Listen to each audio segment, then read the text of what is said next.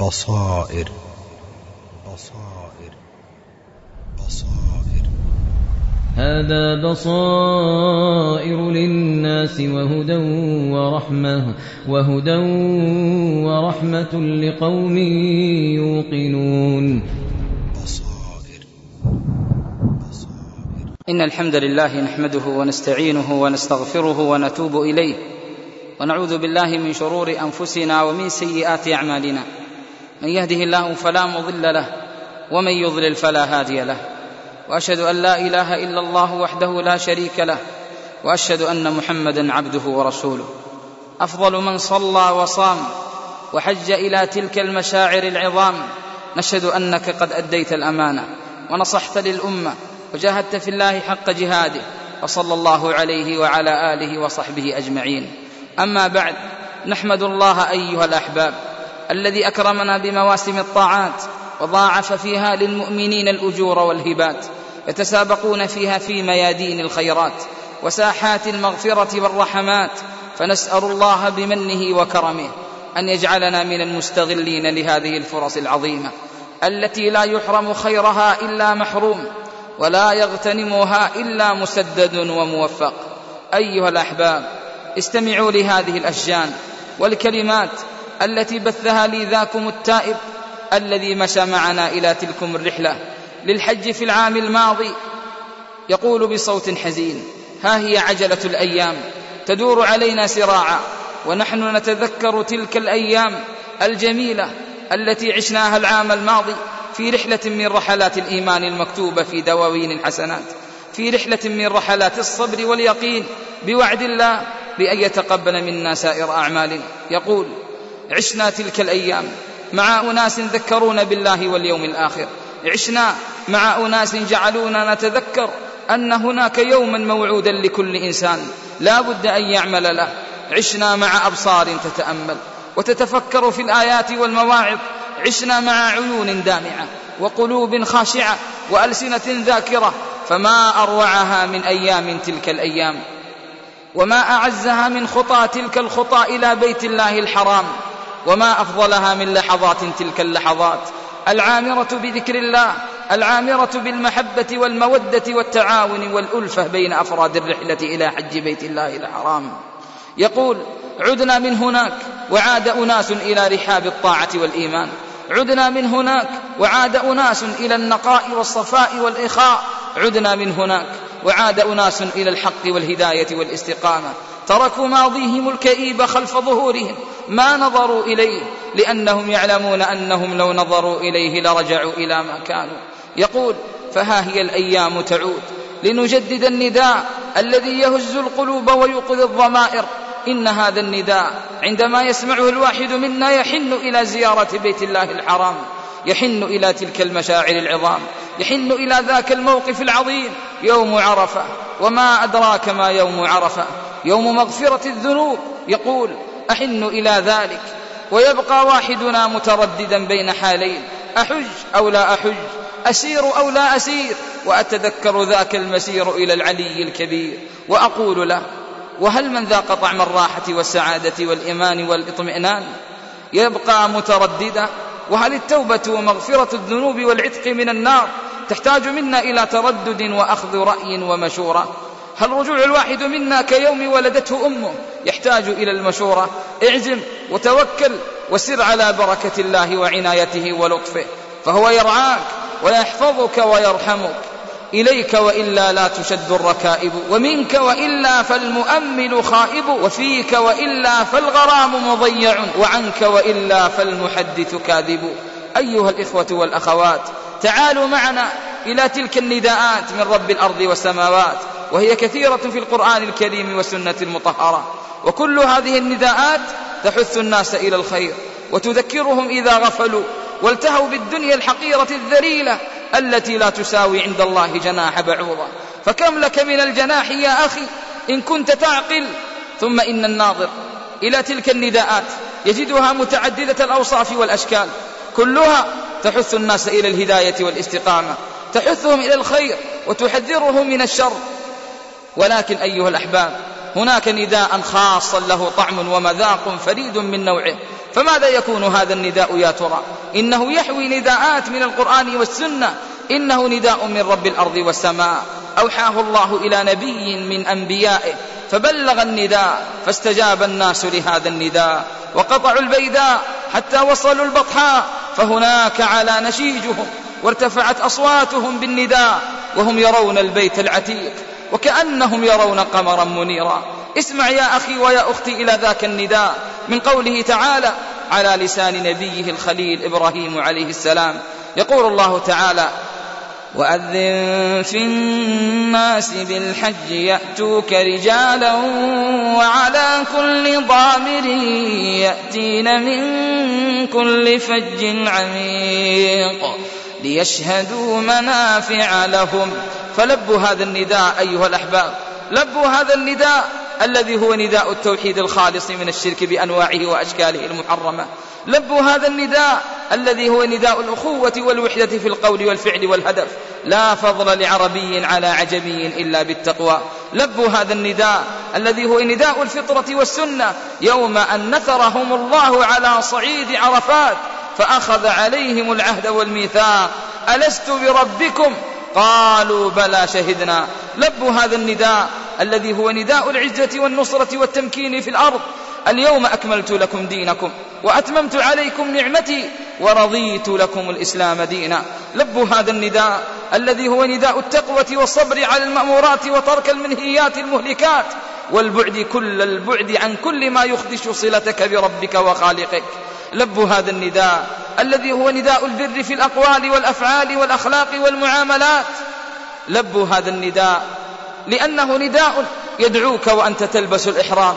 إلى تذكر السفر الأخير يدعوك إلى تذكر الموت وغصصه والقبر وظلمته واليوم الآخر وأهواله. لبوا هذا النداء لأنه نداء يدعوك إلى المغفرة والعتق من النار. وكلنا يحب أن تحسن خاتمته على ذلك. لبوا هذا النداء لأنه نداء البكاء والخشوع والخضوع والدموع للبصير السميع. لبوا هذا النداء لأنه نداء يحثك على التوبة من الذنوب والاستغفار. والاستغفار عما سلف وكان من العصيان. لبوا هذا النداء لأنه نداء يدعوك للإكثار من الذكر والتلاوة وأخذ العظة والعبرة ممن حولك. لبوا هذا النداء لأنه ليس للرجال فقط بل أيضا لمربيات الأجيال. فيذكرها بعفتها وطهارتها وخشيتها لخالقها ومولاها. لبوا هذا النداء لأنه نداء يذكرك بأن هناك عدوا يتربص بك الدوائر وهو إبليس وجنده. فاحذره واستعذ منه ومن نفخه ونفثه ولمزه. وأخيرا إنه نداء يدعوك إلى تذكر الجنة. وما فيها من النعيم المقيم ويحذرك من الدنيا وأنها سريعة الذهاب.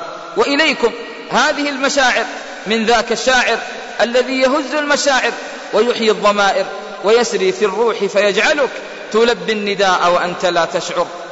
وحي من الروح لا وحي من القلم. هز المشاعر من رأسي إلى قدمي. لما رأيت حجيج البيت يدفعهم. شوق إلى الله من عرب ومن عجم. لب النداء فما قرت رواحلهم. حتى أنا أخوق بين الصبح بالحرم. لبيك اللهم يا ربا نلوذ به. سجع الحناجر تحدوها بلا سأم. لما رأوا البيت حقا قال قائلهم مزجت دمعا جرى من مقلتي بدمي. وصفقت من أريج الفرح أفئدة كما تراقص جذلان من النغم. سرى إلى الروح روحانية عبقا. فزال عنهم سواد الهم والسقم. في ساحة البيت والأبصار شاخصة. كأنما هي أطياف من الحلم. والطائفون كأمواج البحار. وهم ما بين باك على ذنب ومبتسم. الله أكبر كم مدت هناك يد. وكم عليه فيها أريقت أدمع الندم. وكم توسل محروم فبلغه رب الحجيج أمان الروح والنعم. وكم تنفس مظلوم بحرقته. وكم أقيل عظيم الذنب واللمم. نعم أيها الأحباب كم غفرت هناك ذنوب مهلكات باستجابتهم لتلك النداءات. فيا أيها الأحباب هيا بنا إلى تلك النداءات نداء نداء. ومرحلة مرحلة وموقفا موقفا. نستعرض تلك النداءات والمواقف لتتجلى لنا الدروس والعبر فنأخذ بها. وإن لم نأخذ بها فإننا على خطر عظيم. أن يشوب أعمالنا الرياء والسمعة ويشوبها العجب بالنفس. فنحن كما قال القائل لو كان للذنوب رائحة ما جلس أحد بجوارنا. وقبل أن نوضح هذه النداءات لا بد من ذكر قصة هذا النداء. ما سببه؟ ما مناسبته؟ من قائله؟ ومتى كان ذلك؟ إن قصة هذا النداء تدل على اليقين والتوكل والصبر على أوامر الله سبحانه وتعالى. ومتى كان ذلك؟ إنه هناك. إنه هناك. هناك بالوادي الأمين المحاط بجبال فاران من أرض طيبة مباركة. وتحت دوحة عظيمة. وضع إبراهيم زوجته هاجر وطفلها الرضيع تاركا لهما جرابا فيه طعام وسقاء فيه ماء وقفل راجعا. ونظرت إليه هاجر والدهجة تأخذها والحيرة تنتابها ثم تقول إلى من تكلنا يا إبراهيم؟ ولا يجيب وتكرر إلى من تكلنا يا إبراهيم؟ ولا يجيب وتكرر إلى من تكلنا يا إبراهيم؟ ولا يجيب. ثم قالت آه الله أمرك بهذا يا إبراهيم؟ فأجابها قائلا نعم. فردت عليه قريرة العين إذا فاذهب فإن الله لا يضيعنا. أسمعتم أيها الأحباب. حقيقة الإيمان ومستواه في النفس المؤمنة. تترك هاجر في أرض قفر موحشة لا أنيس فيها ولا قريب. وتقول اذهب فلن يضيعنا الله. هذا هو الإيمان الذي نطلبه. وهذا هو التوكل وهو ثمرة الإيمان. إن إيمانا لا يتم توكلا فهو إيمان ناقص. ثم ماذا أنتج هذا الإيمان والتوكل على الله أيها الأحباب؟ أنتج ماء زمزم كرامة ومعجزة من الله لهذه المرأة المؤمنة البرة التقية المحسنة. الظانة بالله فهل نعي وندرك مثل هذه المعاني؟ ثم كرم الله هذه المرأة. بقبيلة تسكن بجوارها فكانت بداية لعمارة مكة المكرمة شرفها الله وكبر إسماعيل وتزوج من هذه القبيلة وجاء إبراهيم يتعهده هو وزوجته فأوحى الله إليه في المنام أن اذبح إسماعيل قربانا لنا وهذا ابتلاء واختبارا من الله ليرى المحبة تكون لمن؟ لله أمر ولده إسماعيل. فقال الأب لابنه إني أرى في المنام إني أرى في المنام أني أذبحك فانظر ماذا ترى. كذلك امتحانا لإسماعيل فماذا قال؟ هل عارض الأمر؟ أو قال أخرني يا أبي حتى أفكر في الأمر. معاذ الله أيها الأحباب. إنما قال يا أبت افعل ما تؤمر ستجدني إن شاء الله من الصابرين. ثم ماذا كانت ثمرة هذه الاستجابة لله ولأمره؟ أن الله أيد إبراهيم وفداه بذبح عظيم وفاز إبراهيم وولده برضا الله سبحانه وتعالى ودارت الأيام. وجاء إبراهيم مرة أخرى يتعاهد ولده ولكن جاء بأمر جديد من الله هو سبب النداء للحج. إن إبراهيم قال لابنه إسماعيل إن الله أمرني بأمر فقال إسماعيل فاصنع ما أمرك ربك به يا أبي. قال إبراهيم وتعينني؟ قال وأعينك. قال إبراهيم فإن الله أمرني أن أبني ها هنا بيتا فوافق إسماعيل على إعانة أبيه. فشرع إبراهيم ببناء البيت وإسماعيل يناوله الحجارة وهما يقولان ما أخبر به الله تعالى عنهما في قوله وإذ يرفع إبراهيم القواعد من البيت وإسماعيل ربنا تقبل منا إنك أنت السميع العليم. ولما فرغ إبراهيم من بناء البيت أمره الله تبارك وتعالى أن ينادي في الناس ويبلغ النداء ويؤذن في الناس بالحج كما قال تعالى وأذن في الناس بالحج يأتوك رجالا يأتوك رجالا وعلى كل ضامر يأتين من كل فج عميق.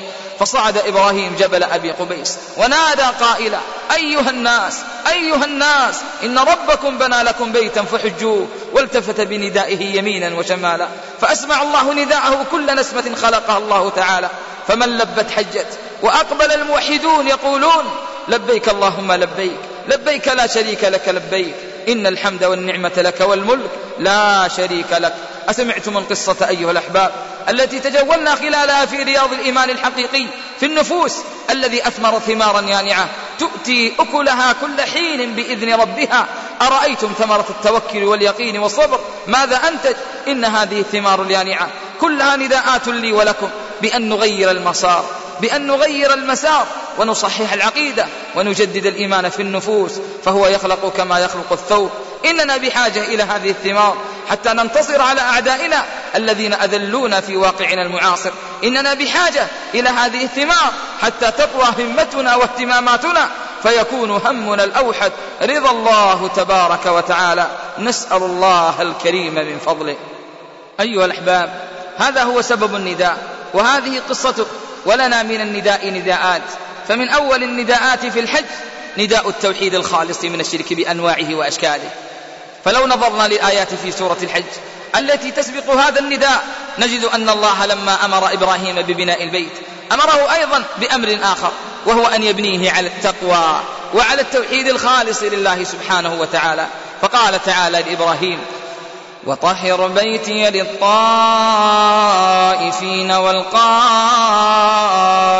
والركع السجود أي طهره من الشرك والمعاصي والأنجاس والأدناس ولما بعث نبينا محمد صلى الله عليه وسلم أمره ربه تبارك وتعالى بقوله فاجتنبوا الرجس من الأوثان واجتنبوا قول الزور. حنفاء لله غير مشركين به.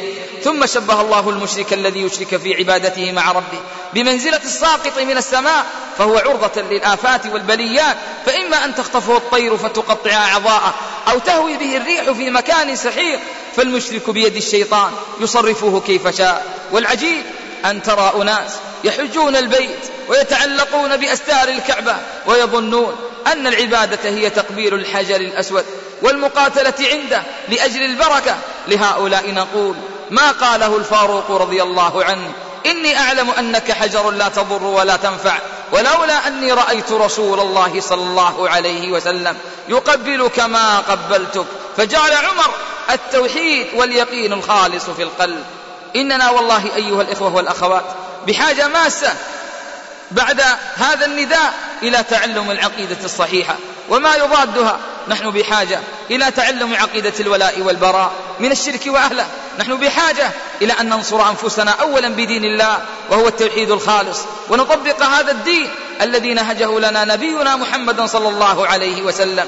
فهو المعين لنا على أعدائنا. ما أحرانا إلى الرجوع للمنبع الصافي. ما أحرانا والأمة تموج الآن في الفتن التي عمت وتلاطمت. أن تعود إلى العقيدة الصحيحة فتتعلمها لكي تنجو في الدنيا والآخرة. إن أصحاب الفرق المنحرفة يحجون إلى البيت ولكن يحجون بقلوب خالية بالية. لأنها قلوب خربة باض فيها الشيطان وفرخ. لا ينفعها إيمان ولا طاعة ولا حج ولا صلاة ولا غير ذلك من الطاعات. أمم تحج وتهلل وتكبر وعقيدتها الطواف بالقبور والذبح لها. أمم تحج وهي تلعن أبو بكر وعمر والصحابة رضوان الله عليهم. أمم تحج وسؤالها الضر والنفع من أناس لا يملكون ذلك. أمم تحج إلى البيت وهي تذهب للسحرة والكهنة والعرافين. فهل ينفعها حجها هذا؟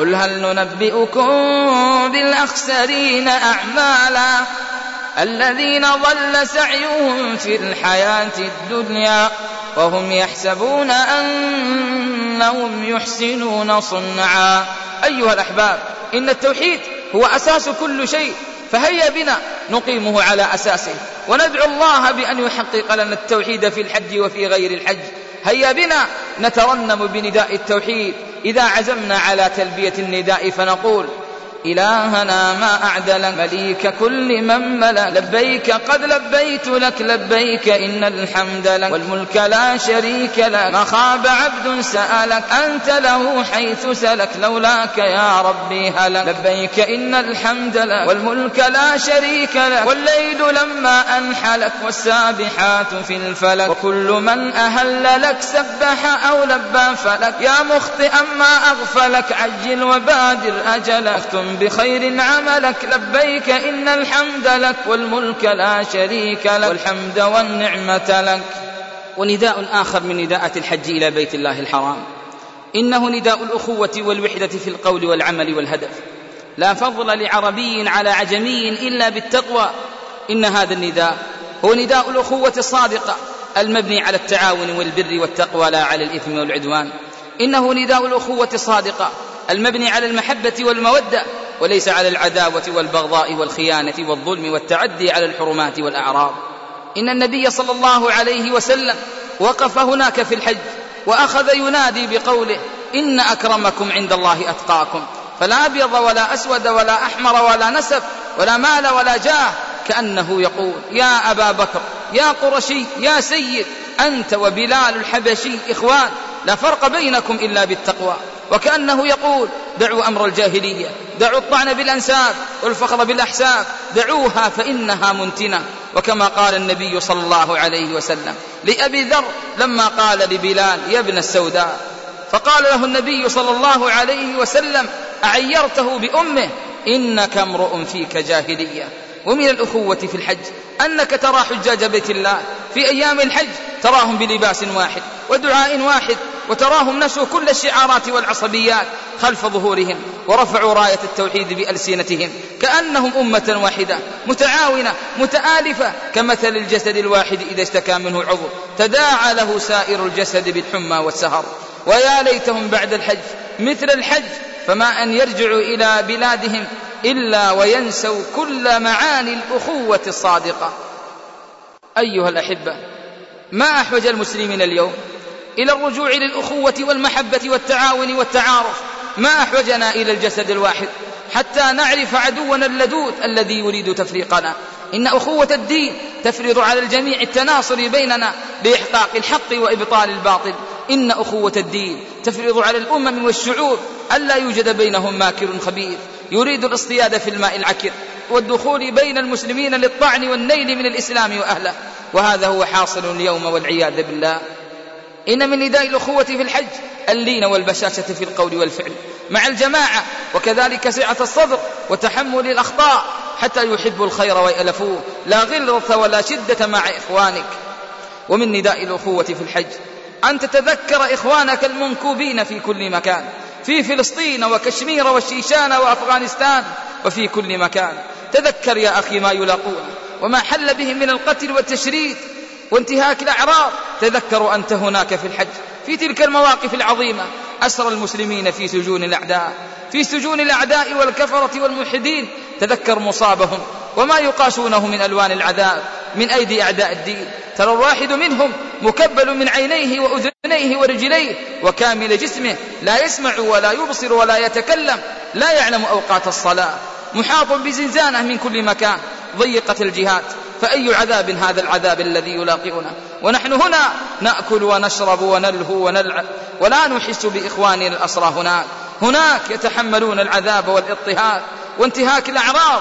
ونحن ونحن نرى ونسمع من الأخبار ما يندى له الجبين ومن ذلك ما يفعل بالأخت المسلمة التي ينتهك عرضها فأي ذل وأي حياة ذليلة بلغ بنا ذلك.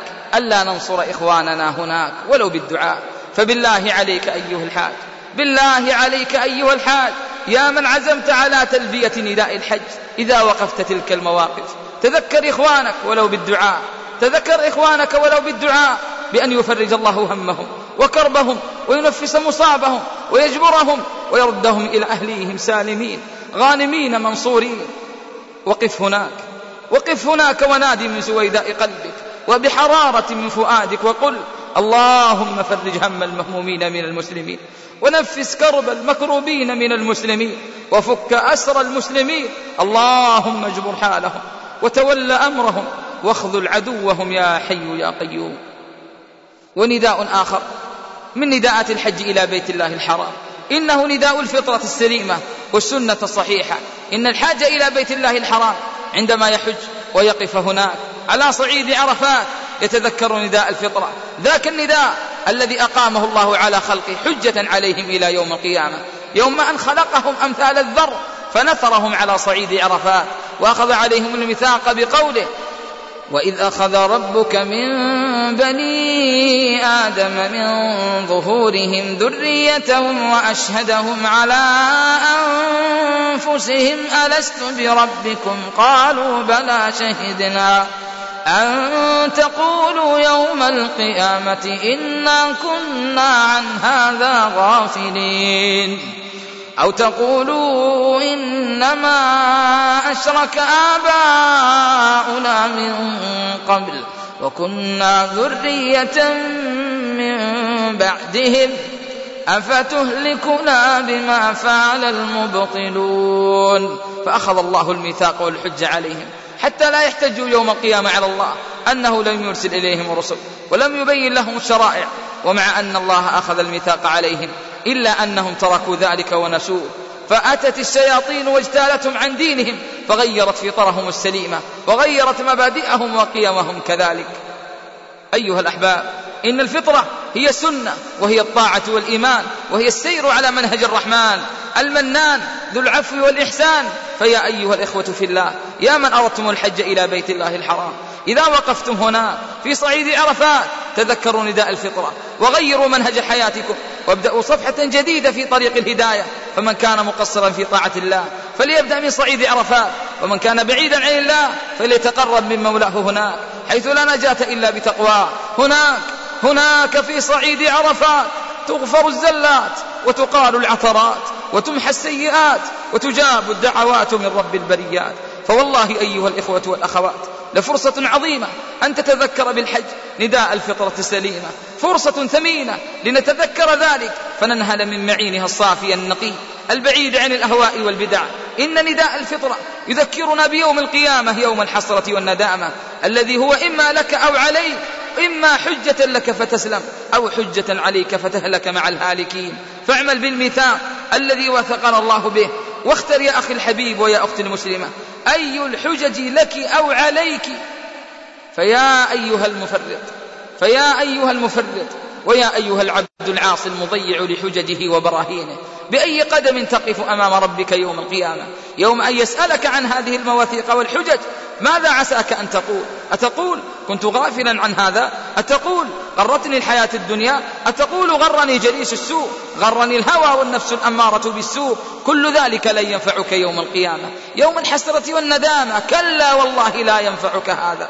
والله ما ينفعك إلا ما قدمت يداك. من الأعمال الصالحة لا تنفعك الأيام الضائعات والجلسات الفارغات. بل هي والله للحسرات. وأي حسرات؟ إنها ندامات. يوم أن يندم المفرط على ما ضيع من الحسنات والباقيات الصالحات نهارك يا مغرور سهو وغفلة وليلك نوم والردى لك لازم وتتعب فيما سوف تكره غبه كذلك في الدنيا تعيش البهائم. ونداء آخر من نداءة الحج إنه نداء العزة والنصرة والتمكين في الأرض. وهذا من الفأل والله يحب الفأل الحسن. إن نداء العزة نزل في صعيد رفاء. هناك وقف النبي صلى الله عليه وسلم على ناقته وقف يخاطب ربه ويدعوه وهو المغفور له ما تقدم من ذنبه وما تأخر ومع ذلك يدعوه وقف النبي في أعظم وأجل وأنقى وأتقى موقف تشهده الدنيا. وقف النبي يناجي ربه وينطرح بين يديه فيخطب في مئة وعشرين ألفا من الصحابة. وفي هذه الأثناء نزل نداء العزة من بيت العزة وهو قوله تعالى اليوم أكملت لكم دينكم وأتممت عليكم نعمتي ورضيت لكم الإسلام دينا. هنا ينتفض فاروق الأمة وتأخذه الرعشة وتخنقه العبرة فتسير دموعه مدرارا لماذا يبكي عمر؟ إنه موقف غريب جدا. أحس النبي بذلك؟ فقال له ما يبكيك يا عمر. فيقول عمر أبكاني أن كنا في زيادة من ديننا يا رسول الله. فأما إذا كمل فإنه لم يكمل شيء إلا نقص. وما هي إلا واحدا وثمانين يوما. ويموت الرسول صلى الله عليه وسلم. ومن عجيب الآية أن الرسول نزلت عليه وهو في موقف عزة ونصرة وتمكين. وهذا بعدما طرد من مكة وهاجر منها ليعود إليها ومعه مئة وعشرون ألفا. مئة وعشرون ألفا كلهم يتمنى أن يقدم رقبته رخيصة في سبيل الله وفي سبيل الذب عن هذا الدين. إنها النصرة والتمكين الذي فقدناه في زماننا هذا أيها الأحباب. حتى في كلامنا ومعاملاتنا فمتى ننال العزة والنصرة التي ضيعناها والتي شرعها لنا الله في كتابه وشرعها لنا رسولنا الكريم صلى الله عليه وسلم في سنته. نحن نريد النصرة والتمكين على أعدائنا وعددنا تجاوز المليار مسلم. ويحج منهم سنويا. اثنين مليون مسلم. فأين صوتهم؟ أين حماستهم وتضحياتهم؟ وهم متخالفون متنازعون على حطام الدنيا الفاني. إننا غثاء كغثاء السيل كما وصفنا النبي صلى الله عليه وسلم بقوله وقد قال النبي صلى الله عليه وسلم ولينزعن الله المهابة من صدور أعدائكم فقد نزعت المهابة وأصبحنا أذلاء ضعفاء. وقال النبي ولا يقذفن في قلوبكم الوهن قالوا وما الوهن يا رسول الله؟ قال حب الدنيا وكراهية الموت. وهذا واقع المسلمين اليوم. تراهم تراهم يحبون الدنيا ويكرهون الموت على عكس الصحابة والسلف الصالح. فأين هي الأمة من حياة آبائها وأجدادها إلا نادرا ومع ذلك فالنصر قادم. والله معز دينه ومعلي كلمته. ولا تزال طائفة من الحق منصورة حتى قيام الساعة. أيها الأحباب نريد أن نحقق النصرة والعزة في صعيد عرفات. فكيف نحققها؟ فأقول نحققها بتطبيق هذه الآية وهي قول الله تعالى وعد الله الذين آمنوا منكم وعملوا الصالحات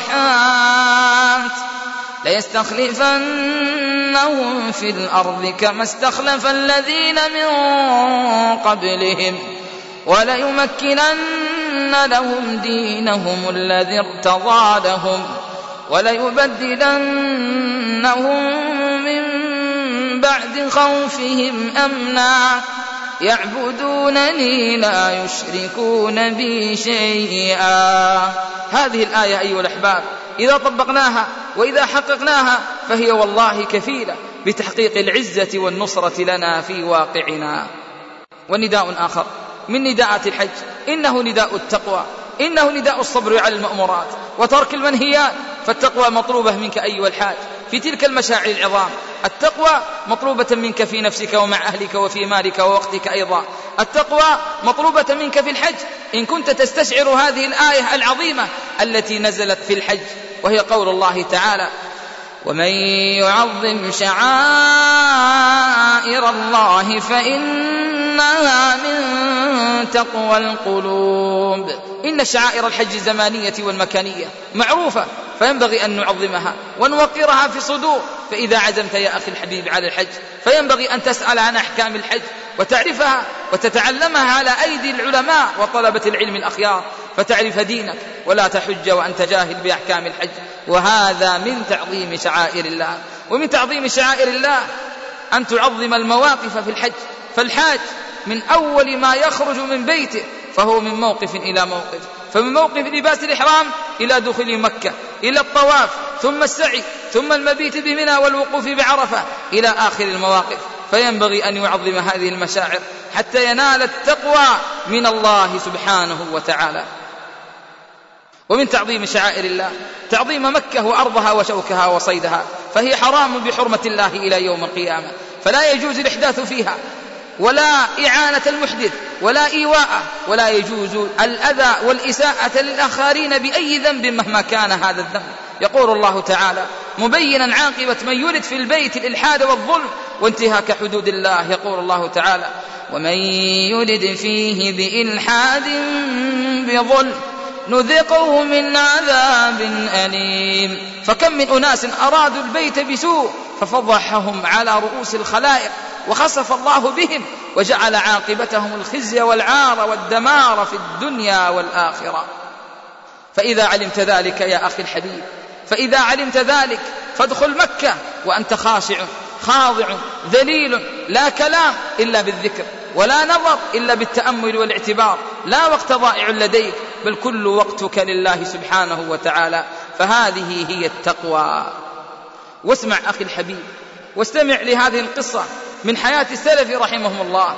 حج شريك القاضي أشهر قضاة المسلمين ذاك التابعي الجليل والشهم النبيل. حج شريك فلما أن أحرم ونوى الدخول في النسك وابتدأ في التلبية أصبح كأنه الحية الصماء. لا يكلم أحدا ولا يجادل أحدا ولا يجيب أحدا. إني نذرت للرحمن صوما فلن أكلم اليوم إنسيا. يضرب عن الكلام فلا يتكلم إلا بذكر الله. ويفي ويبقى كذلك. حتى انتهى من نسكه وحل من إحرامه فأطلق صراح الكلمات. فيا سبحان الله ما أروع تلك النماذج؟ وأعظم أولئك الرجال وأتقاهم لله. زرعت مهابة الله في قلوبهم وتقواه في أعمالهم حتى رأينا ما رأينا من حياتهم. فيا سبحان الله ما أروع تلك النماذج؟ وأعظم أولئك الرجال وأتقاهم لله سبحانه وتعالى. أيها الأحباب تأملوا حال الحجاج وهم يحجون في الأعوام الماضية. ترى العجب العجاب فترى ذاك يسب ويشتم وترى ذاك يضرب ويظلم وترى هذا يسرق ويختلس وترى آخر يسمع وينظر إلى الحرام ويأكل الحرام ويشرب الحرام. فهل هؤلاء متقون لله بحجهم؟ هل هؤلاء حققوا التقوى؟ هل هؤلاء معظمين لشعائر الله؟ أي تقوى يريد هؤلاء؟ إنهم عملوا وتعبوا ووقفوا ولكن ضاع سعيهم سدى وهباء منثورا لأنهم ما حققوا التقوى من حجهم. أيها الإخوة والأخوات نريد أن نحقق التقوى ولكن كيف نحققها؟ نحققها بتعظيمنا لشعائر الله في الحج الزمانية والمكانية. نريد أن نحققها مع أنفسنا ومع زوجاتنا وفي أوقاتنا وفي أقوالنا وأفعالنا حتى نرجع من ذنوبنا كيوم ولدتنا أمهاتنا. نريد أن نتزود من التقوى فهي خير زاد كما قال تعالى وتزودوا فإن خير الزاد التقوى. واتقون يا أولي الألباب. والله أيها الأحباب ما تزود حاج ولا غيره أفضل من زاد التقوى ولا زود الحاج عند توديعه بأفضل من التقوى. وقد روي أن النبي صلى الله عليه وسلم ودع غلاما للحج فقال له زودك الله التقوى. وقال بعض السلف لمن ودعه اتق الله فمن اتقى الله فلا وحشة عليه. وقال آخر لمن ودعه للحج أوصيك بما أوصى به النبي صلى الله عليه وسلم معاذا حين ودعه اتق الله حيثما كنت. يريد المرء أن يؤتى مناه ويأبى الله إلا ما أراد. يقول المرء فائدتي ومالي وتقوى الله أفضل ما استفاد. ومن أعظم التقوى في الحج أن يطيب الحاج نفقته فلا يجعلها من كسب حرام. فعند أبي هريرة مرفوعا أنه قال إذا خرج الرجل بنفقة طيبة ووضع رجله في الغرس فنادى لبيك اللهم لبيك ناداه مناد من السماء لبيك وسعديك زادك حلال وراحلتك حلال وحجك مبرور غير مأزور وإذا خرج بالنفقة الخبيثة فوضع رجله في الغرس فنادى لبيك اللهم لبيك. ناداه منادي من السماء لا لبيك ولا سعديك زادك حرام ونفقتك حرام وحجك غير مبرور. وروي أن رجلا مات في طريق مكة فحفروا له فدفنوه ونسوا الفأس في لحده فكشفوا عنه التراب ليأخذوا الفأس فإذا رأسه وعنقه قد جمع في حلقة الفأس. فردوا عليه التراب ورجعوا إلى أهله فسألوا عنه فقالوا صحب رجلا فأخذ ماله فكان يحج به ويغزو من هذا المال.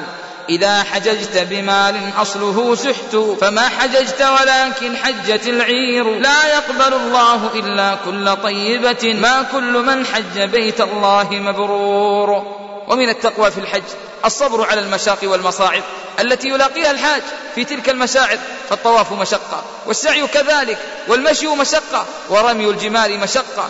يحتاج منا إلى صبر ومجاهدة وكذلك يحتاج منا إلى ذكر وطاعة وكذلك الذكر والطاعة مشقة في النفوس. تحتاج إلى صبر حتى نصل إلى الجنة كما قال النبي صلى الله عليه وسلم حفت الجنة بالمكاره فاصبر يا أخي. فاصبر تلك الأيام الجميلة ولا تخدعنك الأمان الكاذبة والأهواء المضلة. المرء يخدعه مناه والدهر يسرع في بلاه. يا ذا الشبيبة لا تكن ممن تعبده هواه. واعلم بأن المرء مرتهن بما كسبت يداه. والناس في غفلاتهم والموت دائرة رحاه ومن نداءات الحج نداء البر في الأقوال والأخلاق والمعاملات. ففي الصحيحين عن أبي هريرة رضي الله عنه عن النبي صلى الله عليه وسلم أنه قال أفضل الأعمال إيمان بالله ورسوله ثم جهاد في سبيله ثم حج مبرور. فقد بين النبي صلى الله عليه وسلم في هذا الحديث أن الحج لا بد له من شرط وهو البر في كل أحوال الحج. وفي الحديث الصحيح عن النبي صلى الله عليه وسلم أنه قال الحج المبرور ليس له جزاء إلا الجنة والبر يطلق على معنيين الأول الإتيان بأعمال البر والثاني الإحسان إلى الناس. وكان ابن عمر رضي الله عنهما يقول إن البر شيء هين وجه طليق وكلام لين وهذا يحتاجه الحاج كثيرا. فالحج سفر إلى الله فهو يسفر عن أخلاق الرجال. ومن البر في الحج إطعام الطعام وإفشاء السلام وطيب الكلام. وإن خير الناس في الحج أنفعهم للناس وأصبرهم على الأذى. ثم إن الحاج يحتاج إلى مخالطة الناس. والصبر على أذاهم والدعوة لهم بالحكمة والموعظة الحسنة التي تلين القلوب وتوقظ الضمائر من سباتها وغفلتها. ومن البر في الحج تجنب الخلاف وكثرة المزاح وتجنب الجدال والمراء حتى ولو كان في الحق. ومن البر في الحج الإحسان إلى الرفقة في سفر الحج لا سيما إذا احتاج العبد إلى خدمة إخوانه. وقد كان النبي صلى الله عليه وسلم في سفر وحر شديد ومعه من هو صائم ومفطر فسقط الصوام وقام المفطرون فضربوا الأبنية وسقوا الركاب فقال النبي صلى الله عليه وسلم ذهب المفطرون اليوم بالأجر ذهب المفطرون اليوم بالأجر. ومن أهم معاني البر في الحج إقامة الصلاة فمن حج من غير إقامة الصلاة فحجه باطل وقد ضاع عليه تعبه سدى وهباء منثورا. حج مسروق رحمه الله فما نام إلا ساجدا. وكان محمد بن واسع يصلي في طريق مكة ليله أجمع في محمله يومئ إيماء. وكان المغيرة ابن حكيم الصنعاني يحج ماشيا من اليمن وكان له ورد بالليل يقرأ فيه كل ليلة ثلث القرآن. فيقف ويصلي حتى يفرغ من ورده ثم يلحق بالركب متى لحق. فربما لم يلحقهم إلا آخر النهار. فسلام الله فسلام الله على تلك الأرواح. ما مثلنا ومثلهم إلا كما قال القائل نزلوا بمكة في قبائل هاشم ونزلت بالبيداء أبعد منزلي ومما يجب اجتنابه في الحج. ألا يقصد الحاج بحجه رياء ولا سمعة ولا مباهاة ولا فخرا ولا خيلاء ولا يقصد به إلا وجه الله ورضوانه ويتواضع في حجه ويستكين. ويخشع لربه والذي يدل لذلك. ما رواه أنس رضي الله عنه أن النبي صلى الله عليه وسلم حج على رحل الرث وقطيفة ما تساوي أربعة دراهم وقال اللهم اجعلها حجة لا رياء فيها ولا سمعة. أخرجه الألباني في صحيح ابن ماجه. وعن أنس رضي الله عنه قال ركب رسول الله صلى الله عليه وسلم رحلا فاهتز به فتواضع الرسول لله عز وجل وقال لبيك لبيك لا عيش إلا عيش الآخرة. وقال رجل لابن عمر ما أكثر الحاج فقال ابن عمر قل ما أقلهم. ثم رأى ابن عمر رجلا على بعير على رحل الرث فقال لعل هذا لعل هذا. وقال شريح الحاج قليل والركبان كثير. خليلا يقطاع الفيافي إلى الحمى. كثير وأما الواصلون قليل. وجوه عليها للقبول علامة وليس على كل الوجوه قبول. ونداء آخر. ونداء آخر من نداءة الحج. إنه نداء تذكر السفر الأخير. إنه نداء الموت وغصصه والقبر وظلمته والصراط وزلته والحساب وشدته ويوم القيامة وأهواله. إن ذلكم النداء. يدعوك يا من عزمت إلى الحج. يدعوك وأنت تلبس الإحرام. إلى تذكر الموت وما فيه من العبر العظات. ولكن متى يتذكر الحاج ذلك؟ يتذكره إذا عزم على السفر. فالحج سفر فيه مشقة ومعاناة وآلام وسهر ووحشة ووداع للأهل والأحباب. ولكنها تهون مع السفر الأخير. الذي هو الموت. فمهما كانت لوعة الفراق ووحشة الغياب وصعوبة الوداع فإن أصعب منه كله وأشد منه خطرا وأعظم منه حسرة وأكثر منه فجيعة هو الموت الذي لا رجعة بعده ولا لقاء معه ولا عودة منه. وخصوصا عندما يضع رجله على الراحلة فيتذكر ذاك السفر فأنت تودع أهلك الآن وربما لا ترجع وغدا يودعوك. فكم من أناس ذهبوا إلى الحج وما رجعوا؟ أناس رحلوا للحج ولم يصلوا إلى البيت ودفنوا في الطريق. ومنهم من وصل ومات هناك في تلك المشاعر ومنهم من رجع إلى أهله سالما. فتذكر يا أخي ذلك. وأنت سليما معافى قبل أن يفجأك الموت وأنت على غرورك وطيشك وشبابك وقوتك. ثم اغتسلت وتطيبت ولبست إحرامك. فتذكر شيئا غاب عنك. تذكر وأنت مسجا على النعش وأهلك مجتمعين عليك يريدون غسلك وتطيبك. وأنت لا حركة فيك ولا روح لك. ولا قدرة على منعهم من الغسل والطيب. فلا إله إلا الله. ما أشد تلك اللحظات على النفوس المؤمنة. ولا إله إلا الله. ما أعظم تلك المواقف على الذين جعلوا الموت نصب أعينهم. فبادر يا أخي قبل أن تبادر. بادر بالعمل قبل أن يفجأك الأجل. بادر بالعمل قبل أن يفجأك الأجل. وأنت على أمل يا كثير الزلل. بادروا بالأعمال الصالحات قبل أن تعاينوا تلك اللحظات ولا ينفعكم بعد ذلك الحسرات والآهات. حكم المنية في البرية جاري ما هذه الدنيا بدار قرار. جبلت على كدر وأنت تريدها صفوا من الأقذار والأكدار. فاقضوا مآربكم عجالا إنما أعماركم سفر من الأسفار. ثم تذكر أخي الحاج. وأنت تودع أهلك الآن.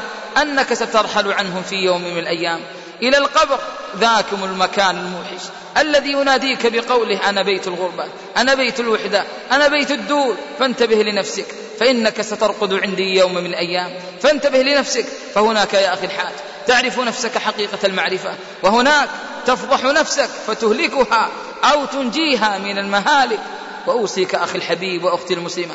بوصية بألا تنسى في تلك المواقف أقاربك وجيرانك فهم مرتهنون بالقبور يتمنون أن يقفوا معكم في عرفة يتمنون أن يحجوا معكم يتمنون حسنة واحدة تزيد من حسناتهم يتمنون حسنة واحدة تزيد من حسناتهم لأن عملهم انقطع بموتهم. فلا تنسهم بدعائك بأن يخفف الله عنهم ما هم فيه من شدة وضيق فهم أحوج إلى الدعاء فهم أحوج إلى الدعاء فهم أحوج إلى الدعاء فلا تنسهم من ذلك. أيها المسافر إلى الحج لا بد أن تكون مسافرا ناجحا. تعبر بنفسك إلى شاطئ الأمان في ثقة وثبات وهمة وشموخ. ولا بد أن تتزود بازداد الحقيقي لهذه السفرة. فيا تائها بوادي الهوى. انزل ساعة بوادي الفكر. يخبرك بأن اللذة قصيرة والعقاب طويل والموقف رهيب والمطلع مهيب.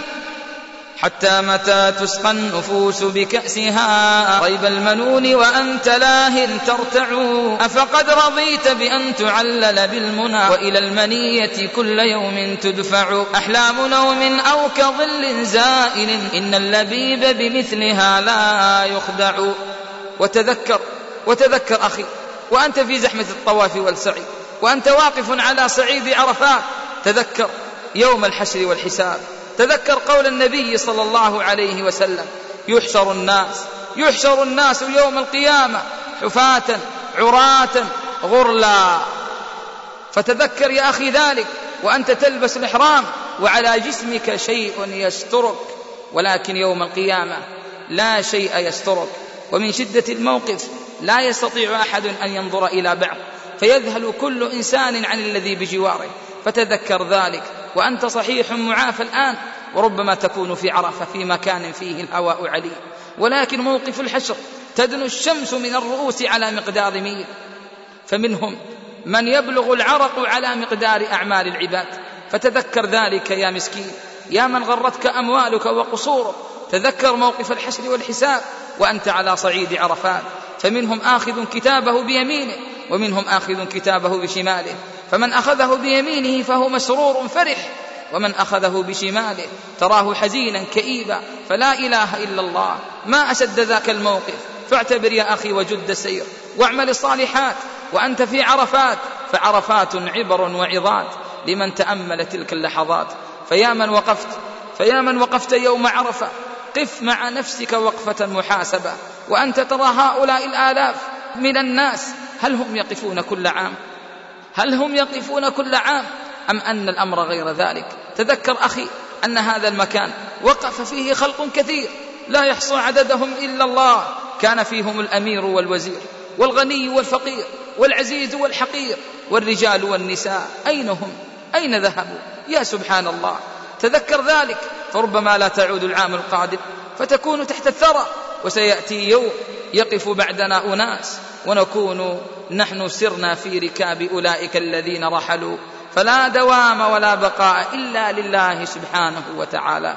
ما حال من سكن الثرى ما حاله؟ أمسى وقد رثت هناك حباله. أمسى ولا روح الحياة تصيبه أبدا ولا لطف الحبيب يناله. أمسى وقد درست محاسن وجهه وتفرقت في قبره أوصاله. أفضوا جميعا إلى الديان وارتحلوا. لو أن فيها خلودا خلد الرسل. أين المناصب والأموال ما حملوا شيئا؟ وأين القصور الشم والفلل؟ تلك الوجوه التي عاشت منعمة باتت عليها هوام الأرض تقتتل. ونداء آخر من نداءات الحج. إنه نداء المغفرة والعتق من النار وكلنا يحب أن تحسن خاتمته. وليس فقط ذلك بل أيضا نداء يحثك على التوبة والاستغفار من الذنوب والعصيان. وكذلك نداء عرفة نداء البكاء والخشوع والخضوع والدموع. وأنت تفارق ذاك المكان الطاهر فتعالوا معنا إلى ذلكم الموقف الرهيب. يوم عرفة وما أدراك ما يوم عرفة. يوم من مفاخر الإسلام والمسلمين لأنهم ما احتشدوا في مكان كهذا المكان من قبل. إلا في يوم عرفة فيوم عرفة يوم بكاء وخشوع ويوم خوف ورجاء من الله تعالى. ففروا إلى الله إني لكم منه نذير مبين. يوم عرفة له فضائل متعددة فهو يوم إكمال الدين وإتمام النعمة ويوم عيد لأهل الإسلام وعيد لأهل الموقف خاصة فقد أقسم الله به في كتابه وشاهد ومشهود فالشاهد يوم عرفة والمشهود يوم الجمعة وما أجمله من يوم إذا اجتمع يوم عرفة مع يوم الجمعة كحجة النبي صلى الله عليه وسلم. يوم عرفة يوم مغفرة الذنوب والتجاوز عنها والعتق من النار كما ثبت ذلك في صحيح مسلم عن عائشة رضي الله عنها عن النبي صلى الله عليه وسلم قال ما من يوم أكثر من أن يعتق الله فيه عبيدا من النار من يوم عرفة وإنه ليدنو ثم يباهي بهم الملائكة فيقول ما أراد هؤلاء؟ فيوم عرفة يوم المباهاة بأهل الموقف. ففي مسند الإمام أحمد عن النبي صلى الله عليه وسلم قال إن الله يباهي ملائكته عشية عرفة بأهل عرفة فيقول انظروا إلى عبادي أتوني شعثا غبرا. وفي رواية شعثا غبرا ضاحين جاءوا من كل فج عميق. يرجون رحمتي ولم يروا عذابي فلم ير أكثر عتيق من النار في يوم عرفة. وفي رواية أشهدكم يا ملائكتي أني قد غفرت لهم.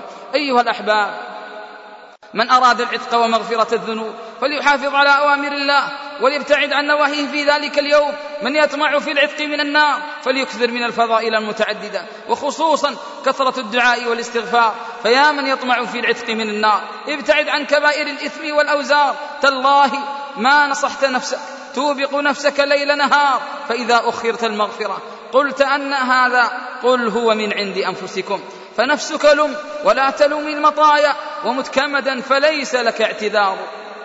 أخي الحبيب إن كنت تطمع في العتق في يوم عرفة فاشتري نفسك كما قال الله تعالى إن الله اشترى من المؤمنين أنفسهم وأموالهم بأن لهم الجنة. اسمع يا أخي لهذه الأخبار من السلف. اشترى عامر بن عبد الله بن زبير نفسه من الله بديته ست مرات تصدق بها لله تعالى. واشترى حبيب العجمي نفسه من الله بأربعين ألف درهم تصدق بها. وأبو هريرة يسبح كل يوم اثنتي عشرة ألف تسبيحة عدد ديته. أخي الحبيب يا من عزمت على المسير إلى ذاك المشعر العظيم. قف هناك وقل لنفسك يا نفس إلى متى تدويمين الزلل؟ إلى متى تدويمين الاعتذار والتسويف في التوبة؟ يا نفس مدي إلى ربك يد الاعتذار وقومي على بابه بالذل والانكسار واجعلي على خديك الدموع الغزار وقولي ربنا ظلمنا أنفسنا. ربنا ظلمنا أنفسنا وإن لم تغفر لنا وترحمنا لنكونن من الخاسرين. أيها الأحباب لقد كانت أحوال الصادقين في الموقف بعرفة متنوعة فمنهم من كان يغلب عليه الخوف أو الحياء فقد وقف مطرف بن عبد الله الشخير وبكر المزني بعرفة. فقال أحدهم اللهم لا ترد أهل الموقف من أجلي. وقال الآخر ما أشرفه من يوم وارجاه لأهله لولا أني فيه. ووقف الفضيل بن عياض بعرفة. والناس يدعون وهو يبكي بكاء الثكل المحترقة. قد حال البكاء بينه وبين الدعاء.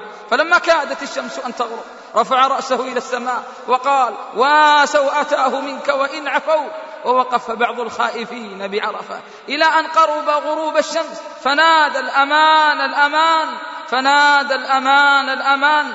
وإني من خوفكم والرجاء أرى الموت والعيش فيكم عيان من على تائب خائف أتاكم ينادي الأمان الأمان.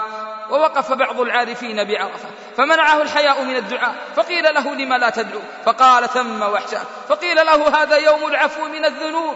فبسط يده فبسط يده ووقع ميتا رحمه الله. حدا بها الحادي إلى نعمان. فاستذكرت عهدا لها بلبان. فسالت الروح من الأجفان. تشوقا إلى الزمان الفاني ووقف بعض الخائفين بعرفات وقال إلهي الناس يتقربون إليك بالبدن وأنا أتقرب إليك بنفسي. فخر ميتا رحمه الله. للناس حج ولي حج إلى سكن تهدى الأضاحي وأهدي مهجتي ودمي. وقد ذكر ابن الجوزي في صفوة صفوة عن أبي عبيدة الخواص أنه رؤي بعرفة وقد ولع به الوله والخوف وهو يقول سبحان من لو سجدنا بالعيون له على حمى الشوك والمحمى من الإبل. لم نبلغ العشر من معشار نعمته. ولا العشير ولا عشرا من العشر. هو الرفيع قل الأبصار تدركه. سبحانه من مليك نافذ البصر. سبحان من هو أنسي إذ خلوت به. في جوف ليلي وفي الظلماء والسحر. أنت الحبيب وأنت الحب يا أملي. من لي سواك ومن أرجوه. الله يا ذخري ومن العارفين من كان في هذا الموقف يتعلق بالرجاء بالله بأن يغفر له ذنبه ويتجاوز عنه. قال ابن المبارك جئت إلى سفيان الثوري عشية عرفة وهو جاث على ركبتيه وعيناه تذرفان فقلت له من أسوأ هذا الجمع حالا؟ قال الذي يظن أن الله لا يغفر له. وروي عن الفضيل أنه نظر لتسبيح الناس وبكائهم عشية عرفة. فقال أرأيتم لو أن هؤلاء صاروا إلى رجل فسألوه دانقة يعني سدس درهم أكان يردهم؟ قالوا لا. قال والله والله للمغفرة عند الله أهون من إجابة رجل لهم بدانق. وإني لأدعو الله أسأل عفوه وأعلم بأن الله يعفو ويغفر. لئن أعظم الناس الذنوب فإنها وإن عظمت في رحمة الله تصغر. إذا تبين لك يا أخي الحبيب ويا أختي المسلم ذلك الموقف من مواقف الناس في عرفة. فاعلموا أنه يجب على العبد أن يجمع بين الخوف والرجاء فتخاف من عقابه وترجو ثوابه ومغفرته حتى لا يطغى جانب على جانب. فالخوف والرجاء كجناحي طائر إذا استويا استوى الطائر وتم طيرانه. وإذا نقص أحدهما وقع فيه النقص وإذا ذهب صار الطائر في حد الموت. فاتق الله أيها الحاج إلى بيت الله الحرام واخبت إلى ربك واخضع لجنابه وانكسر بين يديه وتب إليه توبة نصوحا. عسى أن يقبل منك إذا علم صدقك وإخلاصك. فالله يقبل توبة العبد ما لم يغرغر. وتصل الروح الحلقوم. قل يا عبادي الذين أسرفوا على أنفسهم. لا تقنطوا من رحمة الله. لا تقنطوا من رحمة الله. إن الله يغفر الذنوب جميعا. إنه هو الغفور الرحيم. ثم توجه يا أخي الحبيب إلى خالقك بالدعاء في يوم عرفة. وقل إليك وجهت يا مولاي آمالي فاسمع دعائي وارحم ضعف أحوالي. أرجوك مولاي لا نفسي ولا ولدي ولا صديقي ولا أهلي ولا مالي. فلا تكلني إلى من ليس يكلأني وكن كفيلي فأنت الكافر الكالي. أنا الفقير إلى مولاي يرحمني إذا تقضى بهول الموت إمهالي. أنا الفقير إلى مولاي يرحمني في بطن لحد وحيد رحيش مظلم خالي. هناك لحمي لدود القبر فاكهة والعظم مني رميم في الثرى بالي. أنا الفقير إلى مولاي يرحمني يوم القيامة من عنف وأهوالي. أنا الفقير إلى مولاي يحشرني في زمرة المصطفى المختار والآل. اللهم آمين. أيها الأحباب ومن النداء في الحج وخصوصا بعد الإفاضة من عرفة هو نداء حسن الخاتم. فإذا وقف العبد ذلك الموقف بالخوف والرجاء والتوبة النصوح بشروطها فإن النفس تنادي صاحبها فتقول كيف لو ختم لك بهذه الخاتمة الحسنة؟ وأنت طامع في عفو الله تائب إليه ذاكر الله متمثل قلبك بذكر أهوال يوم القيامة. لا شك أيها الأحباب أننا كلنا يتمنى حسن الخاتمة. في مثل هذا الموقف فإليكم حسن الخاتمة. ورسولنا صلى الله عليه وسلم واقف بعرفة يدعو ربه ويتضرع إليه وينطرح بين يديه ويتلذذ بمناجاته. فبينما هو كذلك إذا بأصوات تتردد هنا وهناك وإذا بالناس يزدحمون حول رجل من الحجاج فيسأل الرسول صلى الله عليه وسلم عن الخبر. فيقال له رجل مغبر وقصته الدابة فمات فبادر إليه الرسول صلى الله عليه وسلم. وأمرهم أن لا يغسلوه ولا يكفنوه إلا في ثوبيه وقال لا تخمروا رأسه لا تخمروا رأسه فإن الله يبعثه يوم القيامة ملبيا. فما أحلاها من حسن خاتمة؟ أن يبعثه الله يوم القيامة وهو يقول لبيك اللهم لبيك لبيك لا شريك لك لبيك. إن الحمد والنعمة لك والملك لا شريك لك. إنها النهاية السعيدة الطيبة التي يريدها الجميع. أيها الأحباب ما يكاد ذلك اليوم العظيم ينتهي إلا وترى الجموع تستعد للإفاضة من عرفة وكأنها تودع أرض المحشر وكأنها تتجاوز الصراط إلى الجنة تراها مستعدة للإفاضة.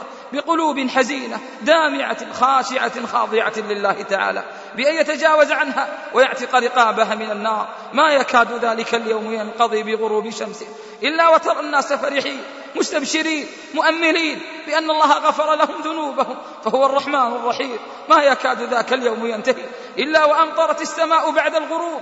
مؤذنة بالرحمة من الله بالمطر. فالمطر عنوان الرحمة والفلاح والفوز والرحمة والمغفرة. وقد حصل هذا في سنة من السنين. ما يكاد ذلك اليوم يمر إلا وترى الوجوه ناظرة مستبشرة بأن الله تقبل دعاءها ووقوفها في عرفة. فهنيئا لتلك الوجوه التي وقفت. وهنيئا لتلك الأجسام التي وقفت في ذاك المكان. ويا فرحة ويا سعادة من أفاض وهو مستغل لتلك الأوقات ويا خسارة من ضيع ذاك اليوم في اللهو واللعب والعبث.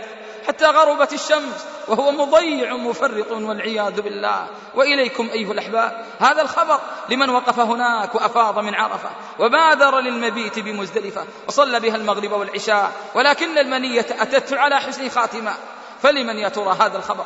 إنه للزاهد العابد الفقيه الورع التقي طاووس بن كيسان ففي ليلة العاشر من ذي الحجة سنة ستة ومائة أفاض الشيخ المعمر طاووس بن كيسان مع الحجيج من عرفات إلى مزدلفة للمرة الأربعين فلما حط رحاله وأدى المغرب والعشاء وأسلب جنبيه للراحة أتاه اليقين فلقيه بعيدا عن الأهل والوطن لقيه ملبيا محرما لقيه وهو خارج من ذنوبه كيوم ولدته أمه. فلما طلع الصبح وأرادوا دفنه فلم يتمكنوا من إخراج جنازته لكثرة الزحام على جنازته. وقد صلى عليه خلق كثير لا يحصى عددهم إلا الله. أرأيتم أيها الأحباب؟ حسن الخاتمة لطاووس. فما أحلاها من لحظات لحياة لهذا العالم. قضاها بين العلم والعمل وكانت النهاية سعيدة. نسأل الله أن يجعل نهاياتنا سعيدة وأن يرحمنا وأن يغفر لنا ويتجاوز عنا. إذا وقفتم في عرفات في تلك الشعاب فادعوا الله فادعوا الله بصدق. بأن يغفر. ما سلف وكان من الذنوب والعصيان. ونادي إلهك. نادي إلهك يا أخي وقل يا من إليه جميع الخلق يبتهل وكل حي على رحماه يتكل. أنت المنادى به في كل حادثة وأنت ملجأ من ضاقت به الحيل. أنت الغياث لمن سدت مذاهبه أنت الدليل لمن ضلت به السبل. إنا قصدناك والآمال واقفة عليك والكل ملهوف ومبتهل. فإن غفرت فعن طول وعن كرم وإن سطوت فأنت الحاكم العدل. ونداء آخر من نداءة الحج. إنه نداء الذكر والتلاوة ونداء العظة والعبرة. ففي أي موقف يكون ذلك؟ إنه في جميع مواقف الحج. فعند لباس الإحرام وعقد النية يقول لبيك اللهم لبيك وعند ركوب الراحلة ذكر وعندما يرى البيت ذكر وفي الطواف بالبيت ذكر مطلق غير مقيد وعند السعي بين الصفا والمروة ذكر ودعاء مشروع وفي كل أوقات الإنسان ذكر ففي موقف عرفة ذكر وهو أفضل الذكر وهو قول لا إله إلا الله وحده لا شريك له له الملك وله الحمد وهو على كل شيء قدير وبعد الإفاضة ذكر وعند المشعر الحرام ذكر كذلك فإذا أفضتم من عرفات فاذكروا الله فاذكروا الله عند المشعر الحرام ويوم النحر ذكر. ويوم العيد ذكر وعند رمي الجمار ذكر وفي أيام التشريق ذكر لقول الرسول صلى الله عليه وسلم أيام التشريق أيام أكل وشرب وذكر لله فالحاج أول ما يخرج من بيته إلى أن ينتهي من مناسكه فهو من ذكر إلى ذكر ومن طاعة إلى طاعة لقول الرسول صلى الله عليه وسلم إنما جعل الطواف بالبيت والسعي بين الصفا والمروة لإقامة ذكر الله. أيها الحجاج إن الذكر للإنسان عمر ثاني وهو مادة حياته الأبدية. في الآخرة ومن يتأمل فوائد الذكر يجدها كثيرة جدا. ومن يتأمل النصوص التي تحث على مشروعية الذكر في الكتاب والسنة يجدها نصوص تدل على ثمار الذكر للذاكرين. الله كثيرا والذاكرات. ونذكر على سبيل المثال دليلين من السنة على ثمار الذكر. الأول قول النبي صلى الله عليه وسلم ألا أنبئكم بخير أعمالكم وأزكاها عند مليككم وأرفعها في درجاتكم وخير لكم من إنفاق الذهب والورق وخير لكم من أن تلقوا عدوكم فتضربوا أعناقهم ويضربوا أعناقكم. قالوا بلى يا رسول الله قال ذكر الله. ونذكر لكم ثمرة أعظم في حديث رواه الإمام مسلم في صحيحه وهو قول النبي صلى الله عليه وسلم من ذكر الله وحمد الله وهلل الله وسبح الله الثمرة؟ يقول النبي صلى الله عليه وسلم أمسى من يومه وقد زحزح نفسه عن النار. فيا لها من فرصة عظيمة في الحج إلى بيت الله الحرام من أن يكثر الحاج من ذكر الله تعالى بكل أحواله ومواطنه المشروعة فيكون من أهل الذكر ومن أهل الجنة. فيا أخي الحبيب ويا أختي المسلمة يا من عزمتم الحج إلى تلك المواقف. أكثروا من ذكر الله فالفرصة عظيمة لحصول الثمرات فلا تفوتك الفرصة. فهل تريد يا أخي أن يبتعد عنك الشيطان وأعوانه ويرضى عنك الرحمن ويزيل الله عنك الهموم والأحزان؟ فأكثر من ذكر الله. هل تريد أن ينور الله وجهك ويحيا قلبك ويبسط لك رزقك؟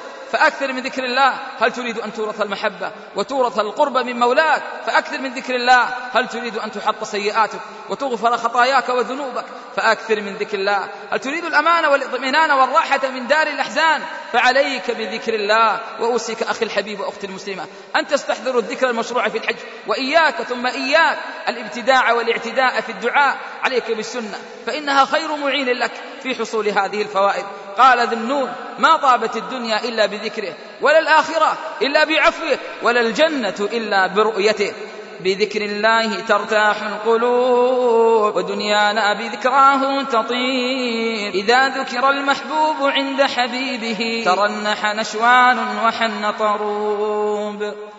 ونداء آخر من نداءات الحج ألا وهو نداء الطهر والعفاف والحشمة والحجاب للمرأة المسلمة. مربية الأجيال التي تربت على الطهر والعفاف فهي تحب الحج وتريد أن تكثر منه لقول الرسول صلى الله عليه وسلم عليكن جهاد لا قتال فيه الحج والعمرة. فالنساء يحبون الحج والعمرة لذلك ينبغي عليك أختي المسلمة إذا عزمت على الحج أن تتذكر المواقف الثابتة لنساء الصحابة ونساء السلف الصالح في الحج. كيف كانت حياتهن حتى تأخذي منها الدروس والعبر؟ فيا أيتها الأخت المسلمة المؤمنة التقية يا من أتيت طاعة لله وحبا لله وامتثالا لأمر الله وتشوقا لحرم الله. مرحبا بك هنا في هذه المواقف الإيمانية. مرحبا بك وأنت ظاهرة عفيفة عن المحرمات.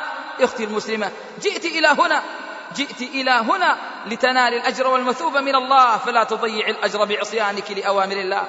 لا تضيع الأجر بسبب تبرجك وسفورك أختي المسلمة قفي مع هذه المواقف قليلا.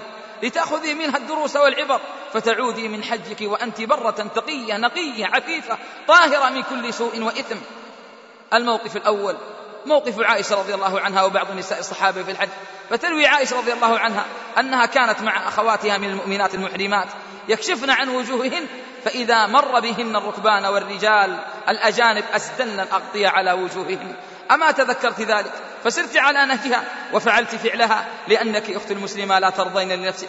أن تأتي للحج باحثة عن المغفرة وإذا بك تكونين عونا للشيطان على فتنة المؤمنين وإغواء المحرمين وتظهري محاسنك أمام المسلمين. فتبوئي بالإثم والخسران يعود الناس بذنوب مغفورة وأعمال مشكورة وترجعين خاسرة آثمة مأزورة. معاذ الله معاذ الله أختي لا ترضين هذا لنفسك.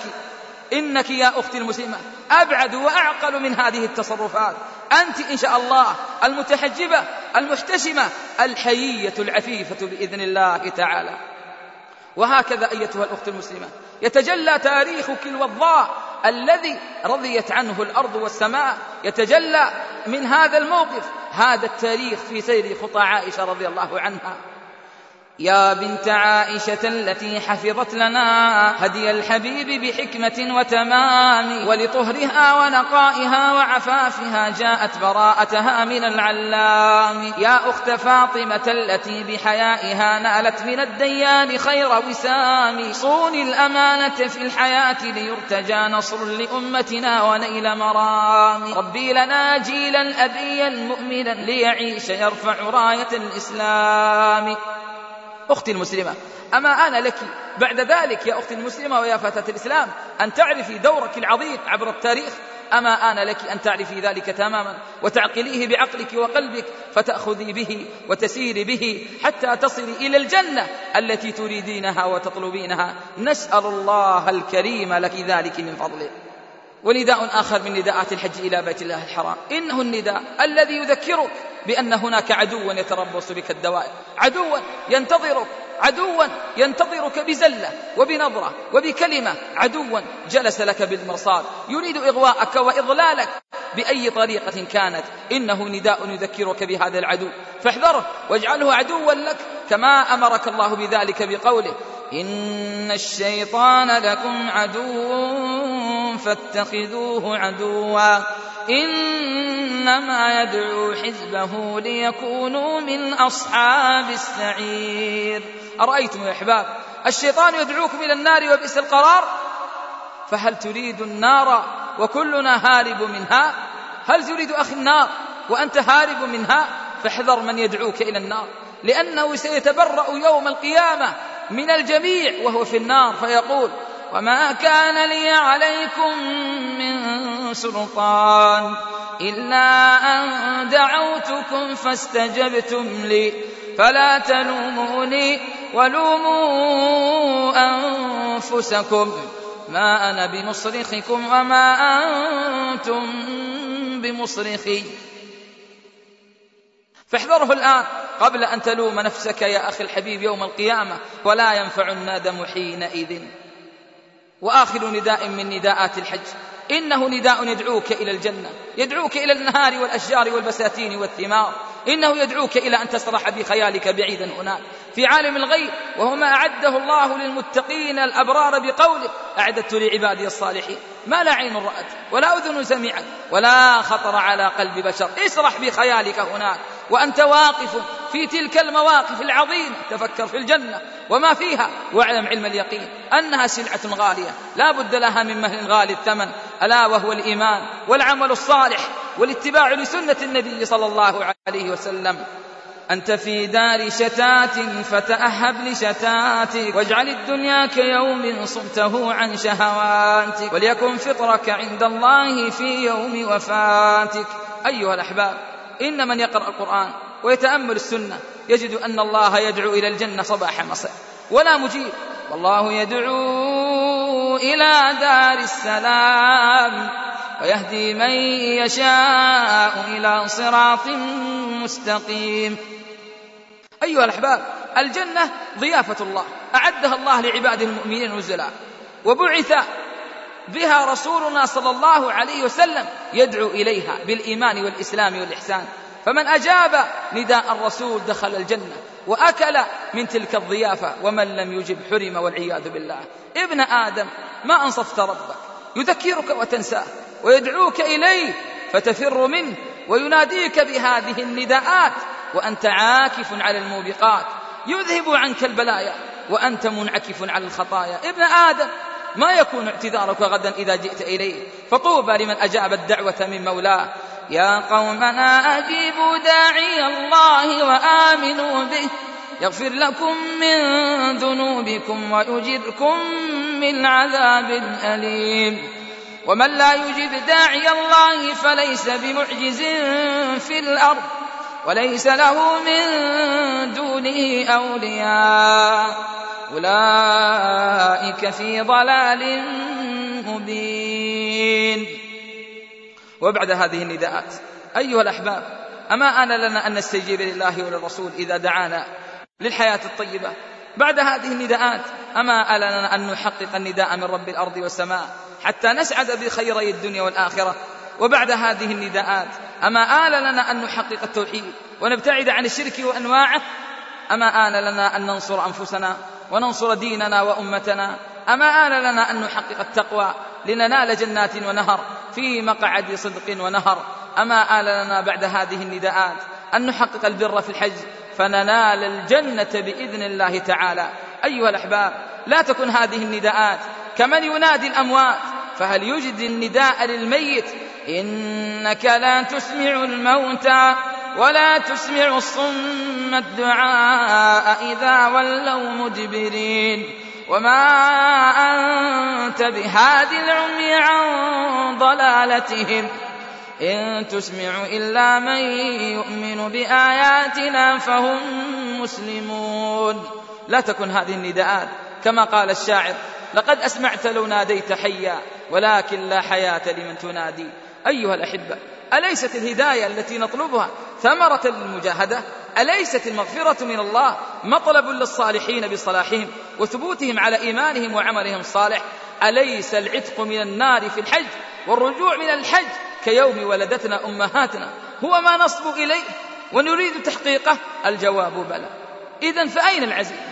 أين الهمة العالية التي تحقق هذه النداءات حتى تحصل لنا الثمرات فيا من يريد الحج إلى بيت الله الحرام. عليك أن تتذكر تلك المواقف.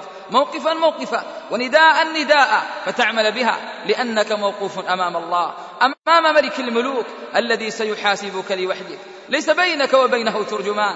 فتنظر أيمن منك فلا ترى إلا ما قدمت. وتنظر أشأم منك فلا ترى إلا ما قدمت يداك. يوم ينظر المرء ما قدمت يداه. ويقول الكافر يا ليتني كنت ترابا. أيها الأحباب لب النداء لب النداء لب النداء من رب الأرض والسماء. كونوا ملبين ولرحمته راجين ولعظيم عفوه طالبين. تنال السعادة في الدارين.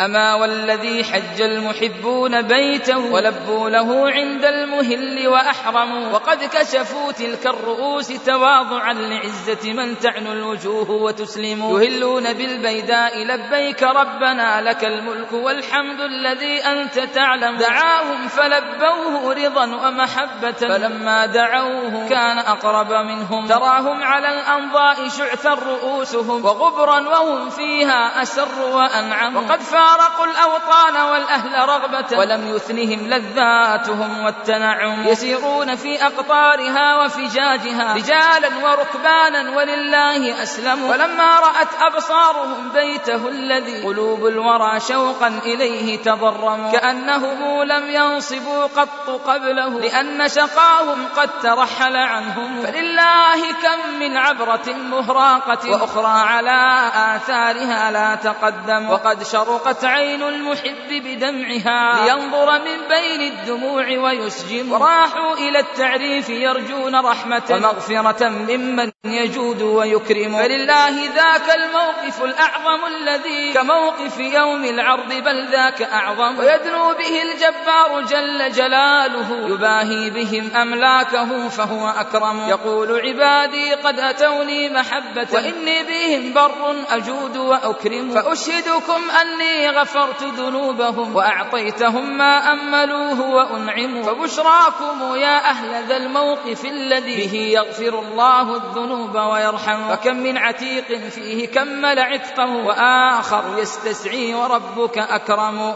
نسأل الله أيها الأحباب نسأل الله أيها الأحباب أن يجعل هذه الكلمات والنداءات خالصة لوجهه الكريم. وألا يجعل فيها حظ من حظوظ الدنيا. ونسأل كذلك أن يثبت قلوبنا الحق واليقين إلى أن نلقاه إنه ولي ذلك والقادر عليه. اللهم إنا نسألك الجنة وما قرب إليها من قول أو عمل. ونعوذ بك اللهم من النار وما قرب إليها من قول أو عمل. اللهم انقلنا من ذل المعصية إلى عز الطاعة يا حي يا قيوم. اللهم يا مقلب القلوب ثبت قلوبنا على دينك. اللهم انصر إخواننا المجاهدين في سبيلك في كل مكان. اللهم فك أسر المسلمين واجبر حالهم وتول أمرهم يا حي يا قيوم. اللهم أبرم لهذه الأمة أمر رشد. يعز فيه أهل طاعتك ويذل فيه أهل معصيتك ويؤمر فيه بالمعروف. ينهى فيه عن المنكر يا سميع الدعاء. اللهم من أرادنا وأراد ديارنا ومقدساتنا بسوء. اللهم فاجعل كيده في نحره واجعل تدبيره تدميرا عليه يا سميع الدعاء. اللهم إنك تسمع كلامنا وترى مكاننا وتعلم سرنا وعلانيتنا ولا يخفى عليك من أمرنا شيء. نحن البؤساء الفقراء المستجيرون المستغيثون المعترفون إليك بذنوبنا. اللهم إنا نسألك مسألة المساكين ونبتهل إليك ابتهال الخائف الضرير. سؤال من خضعت لك رقابهم وذلت لك أنوفهم. اللهم أجب دعوتنا وثبت حجتنا